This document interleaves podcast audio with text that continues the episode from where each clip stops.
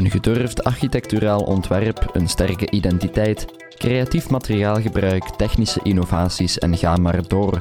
Het nieuwe hoofdkantoor van BNP Paribas Fortis op de Warandenberg in Brussel springt in het oog en op functioneel en ecologisch vlak valt er heel wat over te vertellen. Welkom daarom bij de podcast van Architectura, waarin we het in deze aflevering hebben over het nieuwe hoofdkantoor van BNP Paribas Fortis.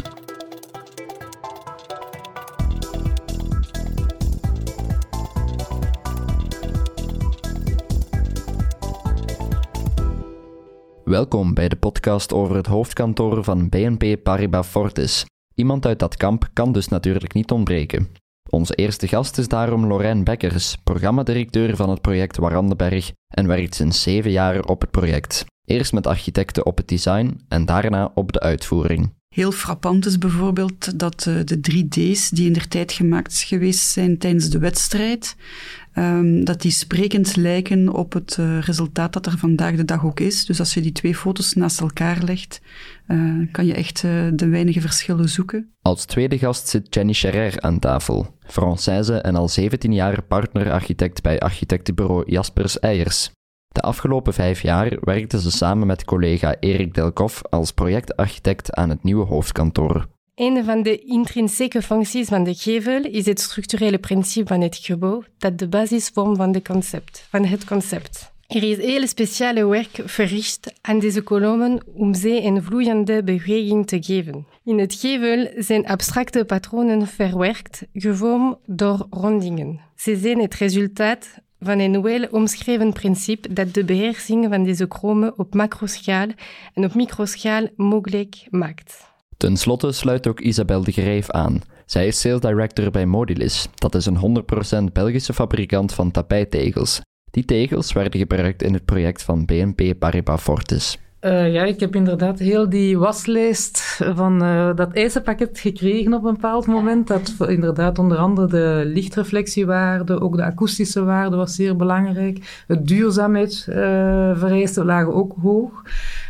Dus we hebben dat inderdaad afgetoetst, gekeken samen met de look en feel, die er ook door de architecten was voor, vooropgezet.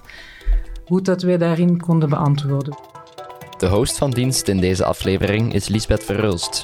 Mijn naam is Stef Pennemans, ik stond in voor de opnames, montage en voice-over. Deze podcast werd mede mogelijk gemaakt door Modulis.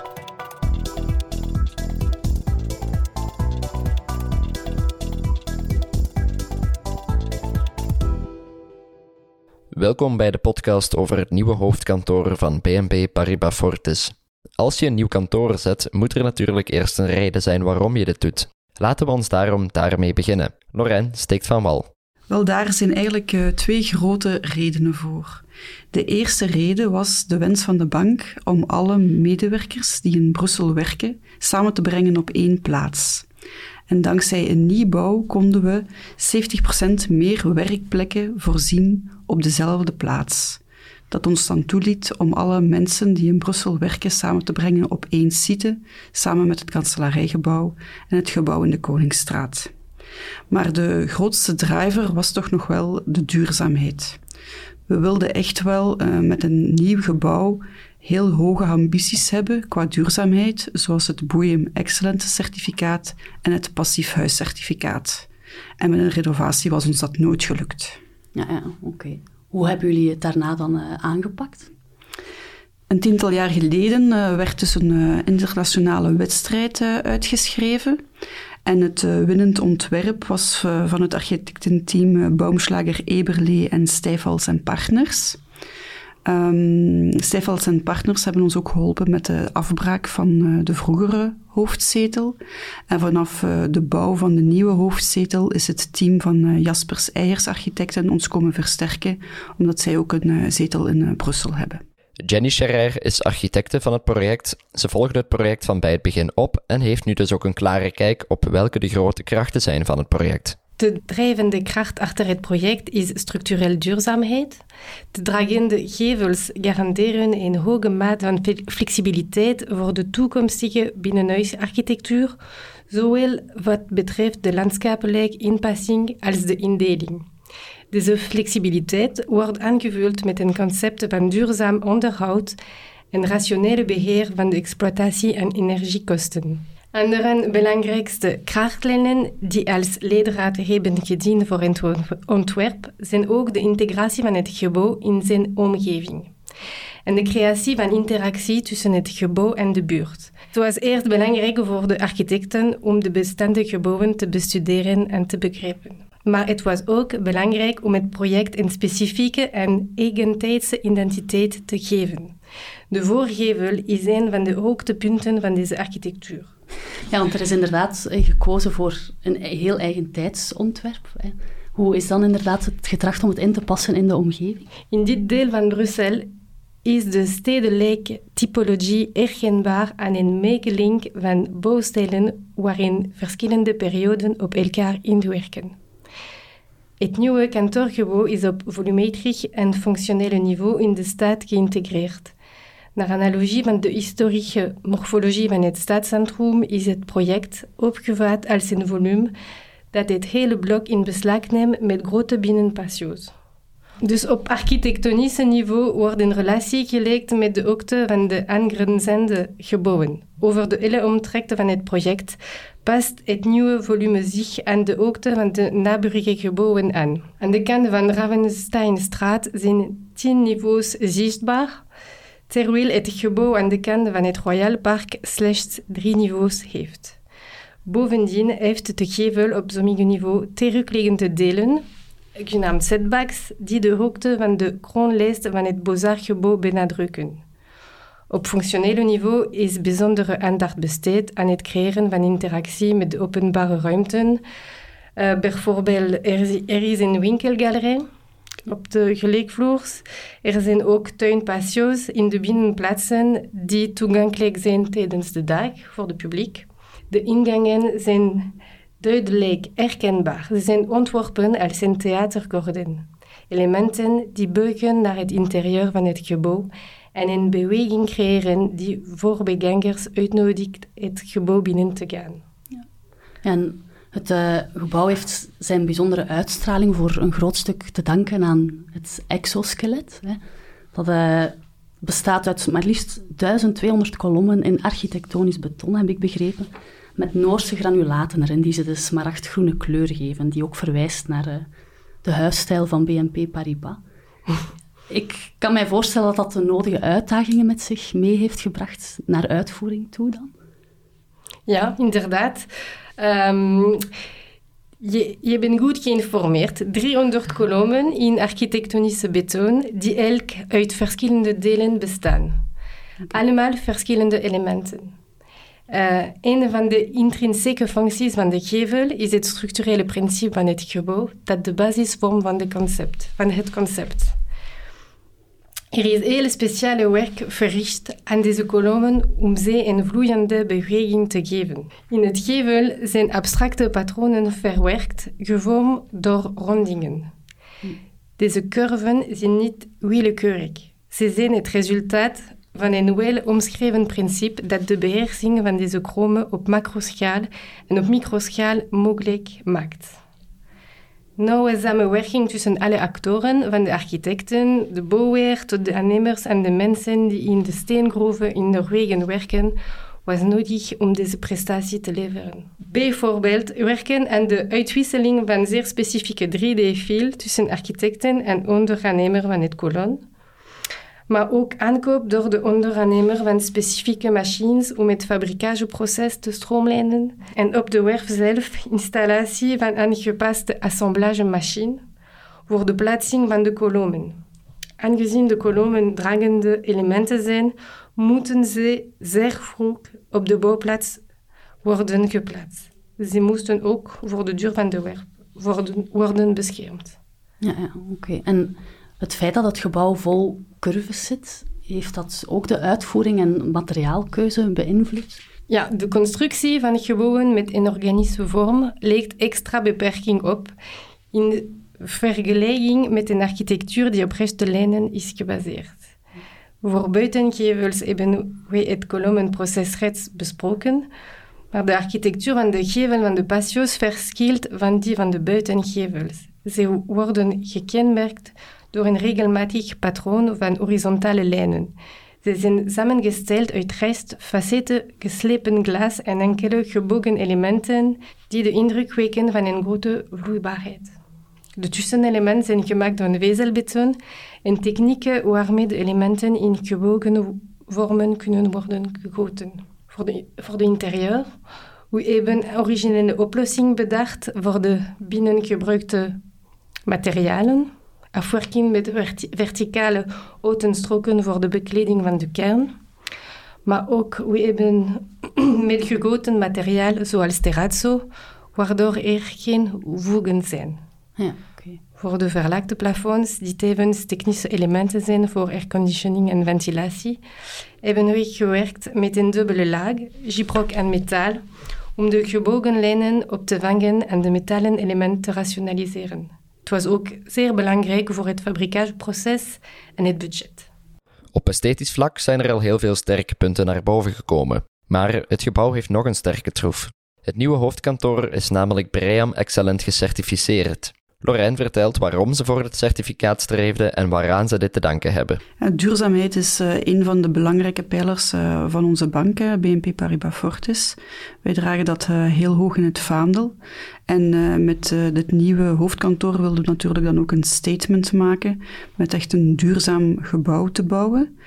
Um, en daarvoor eh, zijn we op zoek gegaan naar een innovatief systeem. Onze STES, Seasonal Thermal Energy Storage. Dat is eigenlijk een seizoensgebonden thermische energieopslag.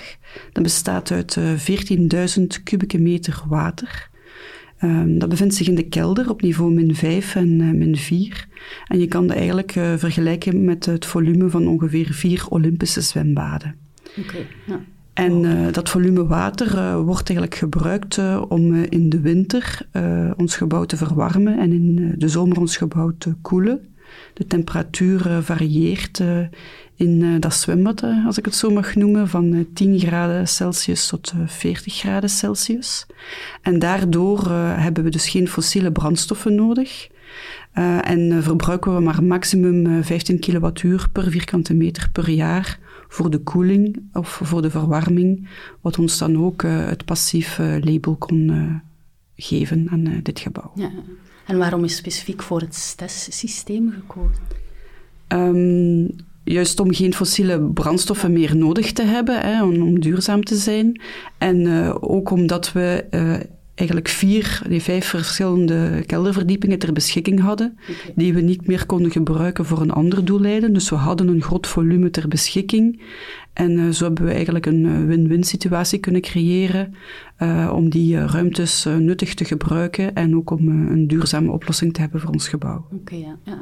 En ja, u zei het zelf al, 70% van jullie werknemers zou in dat kantoor komen werken? Wel? Nee, we hebben 70% meer werkplekken ah, ja, okay, uh, in ja. dit gebouw ten opzichte van de oude okay. hoofdzetel, die even groot was. En hoeveel mensen kunnen er uh, werken in totaal?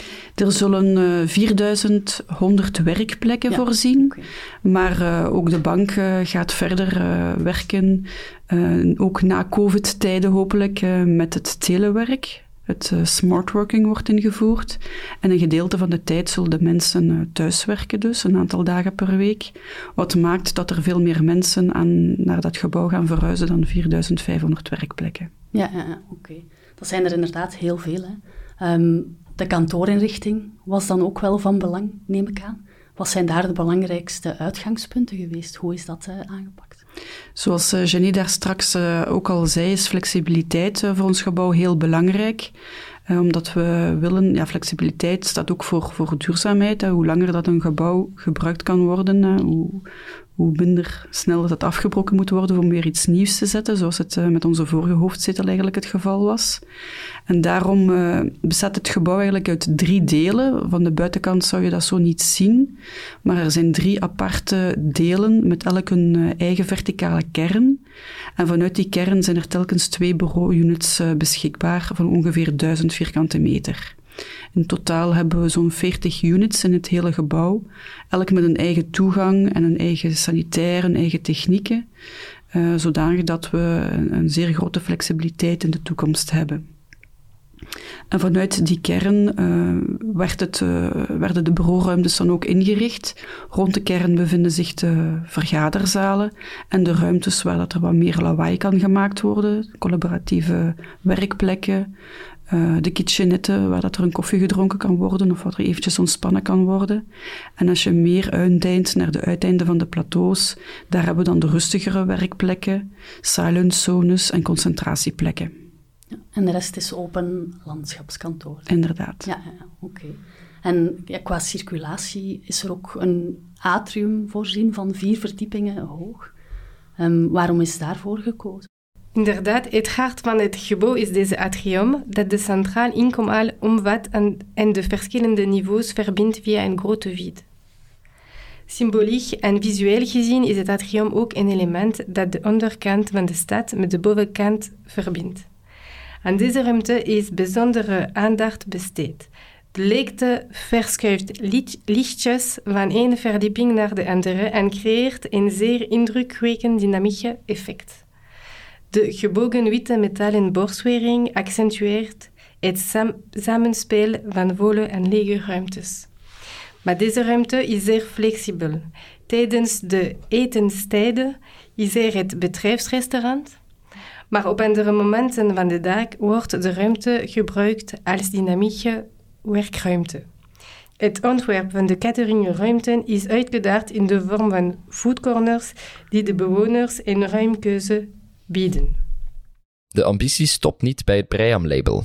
BNB Paribas Fortis wil ook het WELL-label behalen. Wat ze daarvoor doen, legt Lorijn uit. Onder andere licht speelt een heel belangrijke rol. We hebben dus heel veel natuurlijk licht in het gebouw. Mhm. Maar wat ook wel, eh, en zeker op deze schaal, op deze grootte, een primeur is, is dat we gewerkt hebben met human-centric lighting. Dus uh, in alle kantoorzones hebben we verlichting voorzien die aangepast wordt door de dag qua intensiteit en qua kleur op het, uh, het ritme van de dag. Uh, en ook daarvoor uh, hebben we extra punten gekregen voor ons uh, welcertificaat dat we binnenkort ook willen behalen. Het well-being van de mens staat er natuurlijk centraal in. En dat speelt over heel verschillende concepten. Dat gaat van uh, akoestiek, de akoestische normen die we onszelf hebben opgelegd, maar ook bijvoorbeeld de catering die ter beschikking is, hè, dat we voldoende diversiteit hebben, vegan, vegetarische schotels, etc. Um, en dragen de tapijttegels daar ook toe bij? Uh, kunnen daarin bijdragen omdat er een aantal certificaten zijn die voorzien worden, bijvoorbeeld over de uitstoot van VOC's. Uh, en daar uh, beantwoordde een van de paradepaardjes of stelregels, zal ik eerder zeggen, voor Moody's is, wij, verdelen wereldwijd. Dus dat wil zeggen, elk land zijn eigen certificaat. En wij trachten telkens de hoogste standaard te nemen per uh, technische eigenschap, zal ik maar zeggen. En daar heb je eigenlijk het GUT, het Duitse label, dat daar het, het, hoogste is. En dat dan inderdaad bijdraagt tot de well-being, dat er geen uitstoot is van een of andere gassen. De tapijttegels van Modulis spelen dus een belangrijke rol in het gebouw. Daarom gaan we daar nog even dieper op in met Isabel. De tapijttegels zijn vooral in de kantoren, de werkplekken terechtgekomen. En op de verschillende niveaus en ook op directieniveau. En daarnaast is er ook een stukje tapijt op rol geleverd van een zusterbedrijf.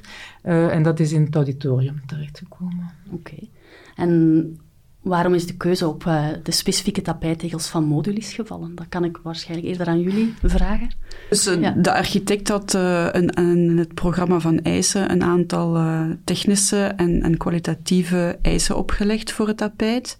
En dan zijn we natuurlijk op zoek gegaan naar verschillende mogelijkheden. En een van de mogelijkheden was de tapijttegels die we bij Modulus gevonden hebben. belangrijk daarin was ook wel ja, de esthetiek natuurlijk. het moest het concept van de architecten verder ook um, uitdragen in, in de tapijttegels.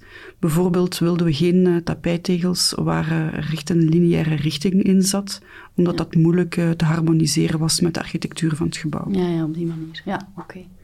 En voor jullie inderdaad? We hebben ook op een tweede fundamental aspect gewerkt. Het mhm. was de lichtabsorptie.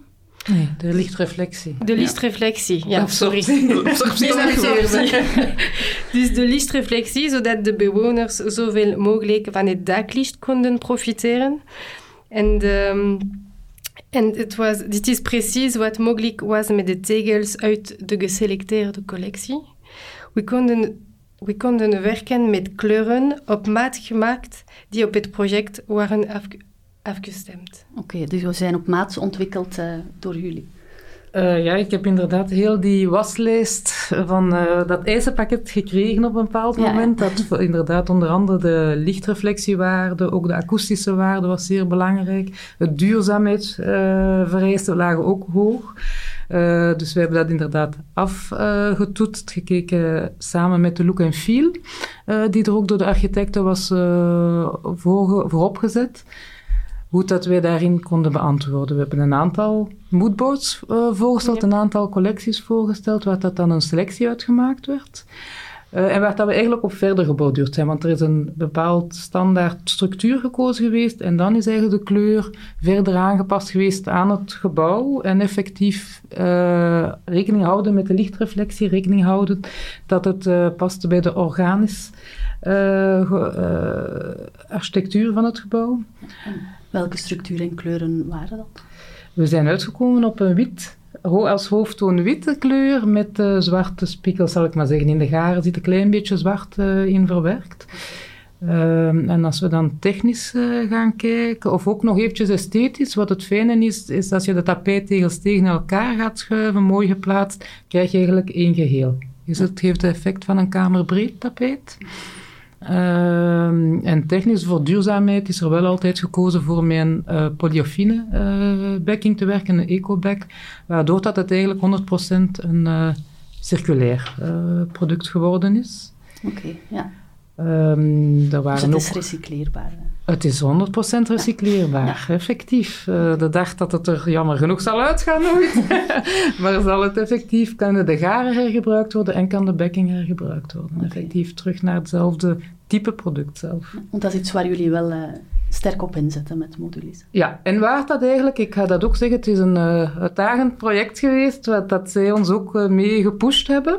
Dus dat was fijn. Wij zijn zelfs nog een stap eh, verder gegaan hier en dus samen met hen hebben we ook het programma CORE toegepast. CORE gaat eigenlijk, is een programma samen in werking met eh, CO2 Logic, waardoor dat het een eh, CO2-neutrale tapijttegel ook geworden is. Oké, ja. Dus dat zorgt dat eigenlijk BNP Paribas Fortis bijgedragen heeft ehm, tot... eh, wat gebeurt er eigenlijk? Hoe wordt het CO2-neutraal? Want jammer genoeg kunnen we onze productie niet volledig CO2-neutraal maken. Maar wordt er een offset toch nog gemaakt dat je in kredietpunten overneemt met CO2 Logic. En dan hebben ze eigenlijk mee geïnvesteerd in een eh, sociaal duurzaam project in Ghana. Ik moet eerlijk zeggen dat dat een primeur is, want dat ik dat nog moet overhandigen aan uh, Lorraine.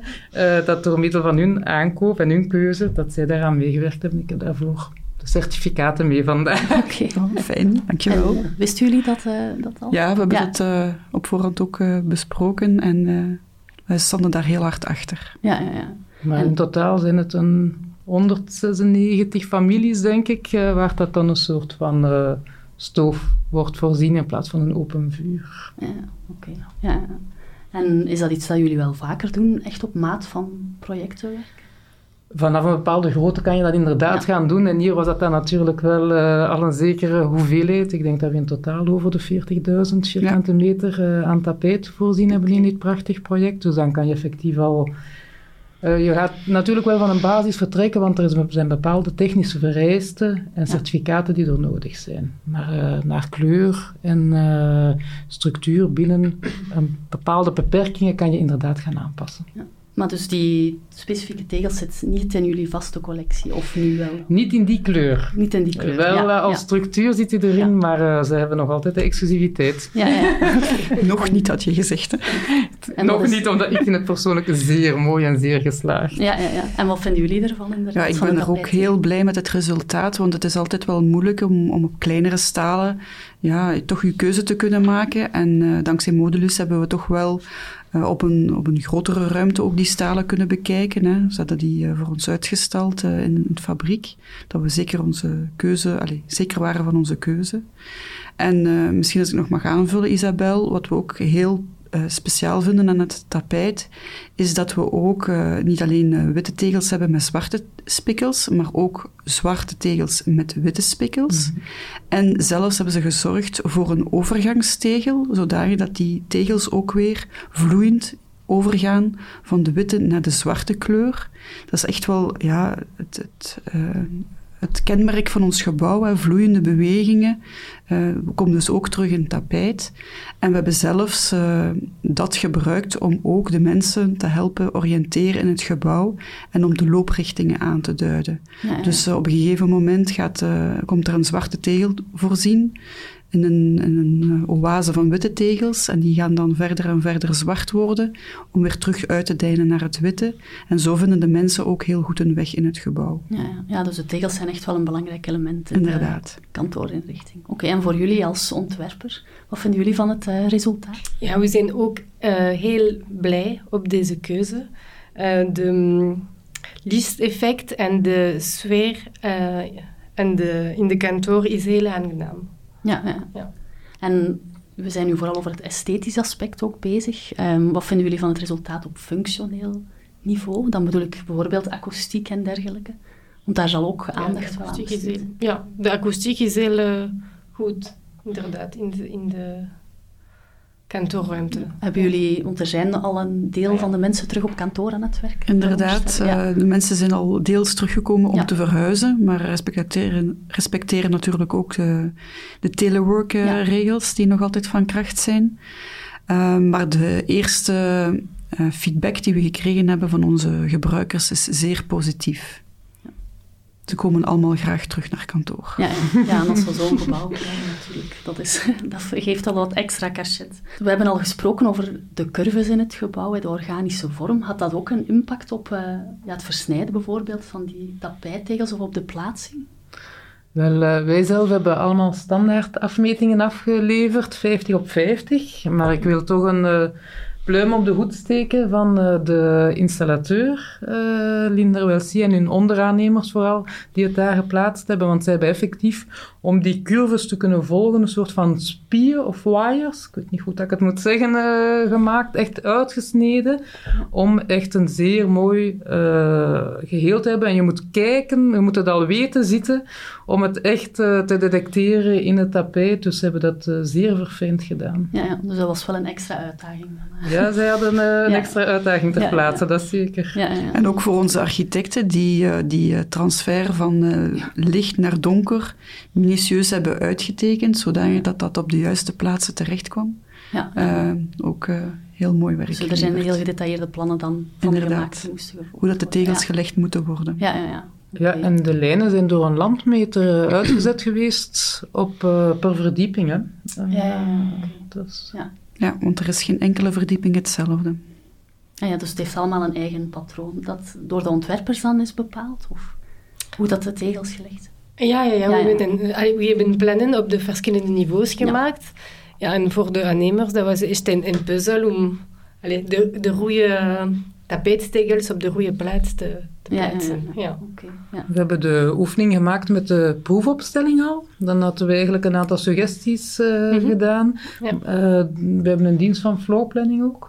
Uh, die dan iets uitgetekend had, maar dan zie je toch, als je dat gaat leggen, dat het niet slecht is om dan ook zelf nog een keer te spelen met de tegels. Zoals dat Lorraine zei, zijn er overgangstegels, je kan die in twee richtingen gaan gebruiken ja, dat spel daarmee, dat heb ik eigenlijk tijdens de proefplaatsing ook wel kunnen uh, leren en uh, verfijnen ook. Ja, ja. ja, er zijn inderdaad altijd dingen om bij te leren. Zijn er bepaalde punten die voor verbetering vatbaar zijn op vlak van de tegels dan? Voor mij persoonlijk, of voor ons persoonlijk als bedrijf, we hebben al gesproken over duurzaamheid, maar dat we nu eigenlijk voor zo'n type project al een stapje verder zouden gaan, dat is naar de verwerking en recyclage van de verpakking. En we zouden eigenlijk op zo'n type werf nu bijvoorbeeld de paletten gaan terugnemen. Dat is natuurlijk ook, laat ons daar eerlijk in zijn, gestuurd door het economische, de prijsstijgingen van hout, het tekort dat er geweest is van paletten vorig jaar. Uh, daar zie je dat, uh, ja, dat het eigenlijk een, dit perfect een werf had geweest, waar dat we kunnen het moment van leveren, de oude paletten terugnemen en zo eigenlijk daar intern al een recyclage soort van circuit opzetten. En dat is iets dat we nu al zouden verbeteren tegenover uh, de ja, vorig jaar eigenlijk. Ja, ja, en voor jullie? Maar ik heb niet echt verbeterpunten. We zijn heel tevreden met ja. het tapijt. zoals ik daar juist al zei, onze medewerkers geven alleen maar positief commentaar. Ja, ja. Okay. Ook uh, misschien kort uh, bij aanvullen. Uh, we hebben daar straks een beetje over het technische gesproken en gezegd dat het witte tapijttegels waren. Er komt natuurlijk ook een vraag naar onderhoud, kwam er ook ja. van de gebruikers van BNP Paribas Fortis. En daar hebben we ook samen met mogelijke aanbieders om het onderhoud te doen gekeken om daar de juiste manier uh, aan te bieden en dat zij toch met de juiste techniek ondergaan. Zodat dat op lang termijn netjes blijft, ondanks het voordeel van een tapijttegel dat je dat snel wisselt, is het toch de bedoeling om het zo lang mogelijk netjes te houden. Ja, ja. dus jullie doen dat ook altijd, jullie nemen dat altijd mee ook. in samenwerking. Wij zijn niet de specialist, nee, nee, nee, maar we ja. doen dat wel in samenwerking. Ja, oké. Okay, en meer algemeen dan, voor welk type projecten zijn dergelijke tapijttegels interessant en voor welke minder interessant? Is het vooral kantooromgevingen of zien jullie wel veel meer? Uh, Op dit moment is het effectief de grote voordeel dat je bij tapijttegel hebt, heb je natuurlijk direct die akoestiek, uh, ja. de snelle verwisselen, de flexibiliteit, de sfeerbepaling dat je ermee kan doen, denk ik ook. En dan komen we, ja, het meeste niet nog in kantoor, maar we zien ook dat dat in hospitality, in hotels, ja. meer wordt toegepast. Ook daar het voordeel van snel te kunnen wisselen, akoestiek, de absorptie. En luchthavens, congrescentra, dat zijn eigenlijk de typische dingen waar dat je tapijttegels gaat uh, tegenkomen. Ja, ook in, in de gebouw dat een uh, valsvloer hebben, is dat uh, heel praktisch om allee, terug naar onder de vloer te gaan om technische installatie te plaatsen. Dus. De keuze voor die tapijttegels is dus gevallen op Modulis, maar waarom specifiek op Modulis? Um, een van de redenen was ook zeker dat Modulus een uh, grote speler is op de Belgische markt. En uh, bij de keuze van tapijt zijn we effectief alleen maar naar Belgische spelers op de markt gaan kijken om ons keuze te kunnen maken. En Modulus sprong er voor ons tussenuit. En was het voor jullie belangrijk dan om Belgische producten te kiezen Inderdaad, als bank wilden we investeren met onze hoofdzetel, uh, voornamelijk in lokale economie, in Belgische producten en de werkstelling geven in Brussel aan onderaannemers en leveranciers. Het nieuwe kantoor was een project van lange adem. In november werd het eindelijk opgeleverd. De verhuis is nog volop aan de gang en nog niet alle medewerkers zijn er al aan de slag geweest. Maar wat vinden onze gasten nu uiteindelijk van het eindresultaat? Ja, als bouwheer zijn wij heel uh, fier op het resultaat. Uh, het is exact uh, zoals wij ons ook gedacht hebben dat het zou zijn. Heel frappant is bijvoorbeeld dat de 3D's die in der tijd gemaakt geweest zijn tijdens de wedstrijd, Um, dat die sprekend lijken op het uh, resultaat dat er vandaag de dag ook is. Dus als je die twee foto's naast elkaar legt, uh, kan je echt uh, de weinige verschillen zoeken. Dus dat is heel frappant dat er toch tien jaar geleden dergelijke 3D's ter beschikking waren die nu het resultaat echt wel weerspiegelen. Ja. En uh, zoals ik daar straks al zei, uh, ons management en ook uh, de eerste mensen die verhuisd zijn, zijn super enthousiast en zijn, ik kan echt niet wachten dat ze weer terug naar bureau kunnen komen en minder moeten thuiswerken. Dus alleen dat al is een heel zeer positieve feedback. Ja. En voor, ja, voor ja. Um, ik zeggen, ik draag Brussel wel uh, in mijn hart en dan vind ik het fijn dat uh, BNP Paribas Fortis uh, daar een landmark echt neergezet heeft. als je er rondloopt voel je het gebouw ook, vind ik. tegelijkertijd naar de binnenkant toe is, na, is vooral de connecties die ze leggen. en ja, je sprak over het vloeiende. Dat is iets dat je voelt in het gebouw en ik ben ergens ook overtuigd dat dat invloed heeft en dat dat uh, voor de mensen echt hun well-being een mooie meerwaarde is als je de daglicht dat je ziet. Ik zie weinig gebouwen van die omvang waar dat je zo een aangenaam daglicht, uh, verspreiding van het daglicht hebt voor iedereen eigenlijk. Ja, oké. En voor jullie als ontwerpers, hè, jullie hebben er ook lang aan gewerkt. Ja, zeker. Uh, vijf jaar tijd. Ja. Dus we zijn ook uh, heel trots op het resultaat, zeker. Maar het was ook een ongelooflijk menselijk avontuur. En we zijn erg blij met de samenwerking met alle acteuren en ook met uh, BNP Paribas Fortis en Modulis. Ja, het was super tof. en is het inderdaad zoals jullie het zich hadden voorgesteld? Oh, sorry? Wel, het ont je ontwerpt een gebouw en dan staat het daar. Is het ook effectief ah, ja, zoals jullie het zich hadden verbeeld? ja, dat is altijd een magical effect. Ja, ja, ja. Zoals Lorraine heeft gezegd, ja, de, de 3D en dan de, de resultaat zijn perfect. Uh, ja. ja, dus het is ook een mooie referentie voor, uh, voor ah, Jaspers eiers. Ja, zeker. Oké. En uh, ja, het is al een beetje ter sprake gekomen, maar ja, onze luisteraars als die benieuwd zijn geworden, wat al bijna niet anders kan, die kunnen het gebouw ook zelf gaan bekijken. Want er zijn delen bewust uh, publiek toegankelijk gemaakt. Hè. Ja, weliswaar is dat uh, ja, beperkt, hè, gezien uh, de functionaliteit die het gebouw heeft. Hè. Een bank is nog altijd redelijk goed beveiligd. Ja. ook, al, ook al is het geen kantoor daar, maar een, een corporate building. Um, maar uh, er zijn dus wel uh, twee patio's die uh, tijdens de kantooruren ook toegankelijk zijn voor het grote publiek. dus daar kan men vrij in wandelen en genieten van het groen dat daar aanwezig is. verder is er ook in het gebouw een winkelgalerij geïntegreerd op het gelijkvloers langs de voorkant. Die is uiteraard ook toegankelijk voor iedereen. Um, er is één zone van 400 vierkante meter voorzien um, voor een um, collectief, uh, collectieve voorziening. Dus uh, die wordt ter beschikking gesteld uh, aan verenigingen die met projecten naar ons toe komen voor een goed doel. Dat kunnen bijvoorbeeld workshops zijn of een tentoonstelling. Dus daar zijn we nu ook mee bezig om dat op te richten. En uh, in eerste instantie gaat uh, die ruimte gebruikt worden voor een tentoonstelling over het 200 jaar bestaan van, het, uh, van de bank, dat we dit jaar in september gaan vieren. En, en die tentoonstelling is dan ook toegankelijk. En last but not least hebben we ook een openbare lift geïntegreerd in ons volume die uh, de verbinding maakt tussen de Koningsstraat en de Baron Hortastraat, de straat waar, uh, naar het Centraal Station, om uh, voor mensen die iets slechter ter been zijn, gemakkelijk die afstand, allee, die hoogte te overbruggen. Ziezo, we zijn weer beland aan het einde van deze podcast. Maar naar goede gewoonte sluiten we af met onze architectuurquotes. Isabel mag de spits afbijten. ik heb een quote gekozen van Winston Churchill. Oké. Okay. Maar het gaat over architectuur. Ja. uh, de quote uh, luidt: we shape, we shape our buildings, thereafter they shape us. En als ik uh, het gebouw zie van BNP Paribas Fortis, ik vind echt, ik heb het daar straks eigenlijk al een beetje gezegd, dat het invloed heeft op de mensen, het heeft invloed op de omgeving, het heeft echt een positieve bijdrage. Uh, op wie dat er daar rondloopt. Uh, de connectie in de stad vind ik zeer positief hoe dat die nu is. Tegenover, dat is echt een verbetering tegenover vroeger.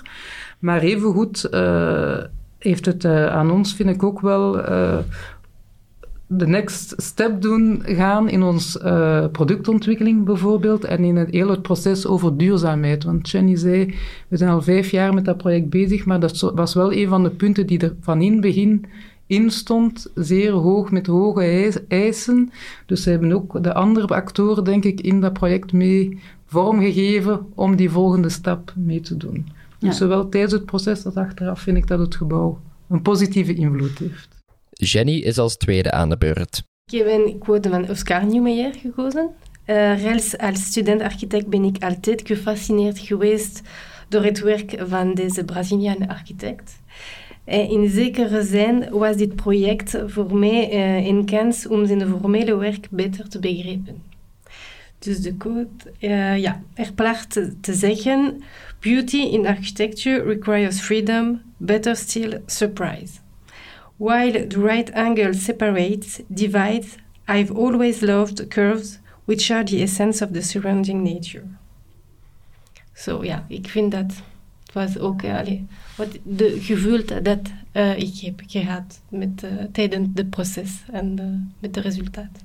En tenslotte mag Lorijn afsluiten. Zoals uh, Isabel daar straks al zei, het gebouw is, is heel speciaal en, en heeft een, uh, ook wel een futuristische look, maar bevindt zich toch in het uh, historische centrum van Brussel, hè, vlak langs Bozar, vlakbij het Koninklijk Paleis, het Warandenbergpark. En sommige mensen storen zich daar wel aan, en ik vind dat helemaal niet. En dat brengt me dan bij een quote van Frank Gehry, die eigenlijk verklaarde dat de architectuur over zijn tijd en over zijn plaats moet gaan, strevend naar tijdloosheid. En ik denk dat we dat met dit project uh, qua flexibiliteit, qua duurzaamheid, zeker hebben kunnen bewijzen met een heel future-proof gebouw. Weer drie mooie quotes als afsluiter. Hopelijk heeft u genoten van deze Architectura-podcast over dit indrukwekkend project. Wij bedanken onze praatgasten Lorijn Bekkers van BNP Paribas Fortis, Jenny Scherrer van Jaspers Eiers en Isabel de Gerij van Modulis. De podcast werd mede mogelijk gemaakt door Modulis. Blijf zeker de Architectura-podcast volgen en heb je interesse in meer nieuws over bouw en architectuur? Surf dan zeker naar onze website architectura.be. Tot horens!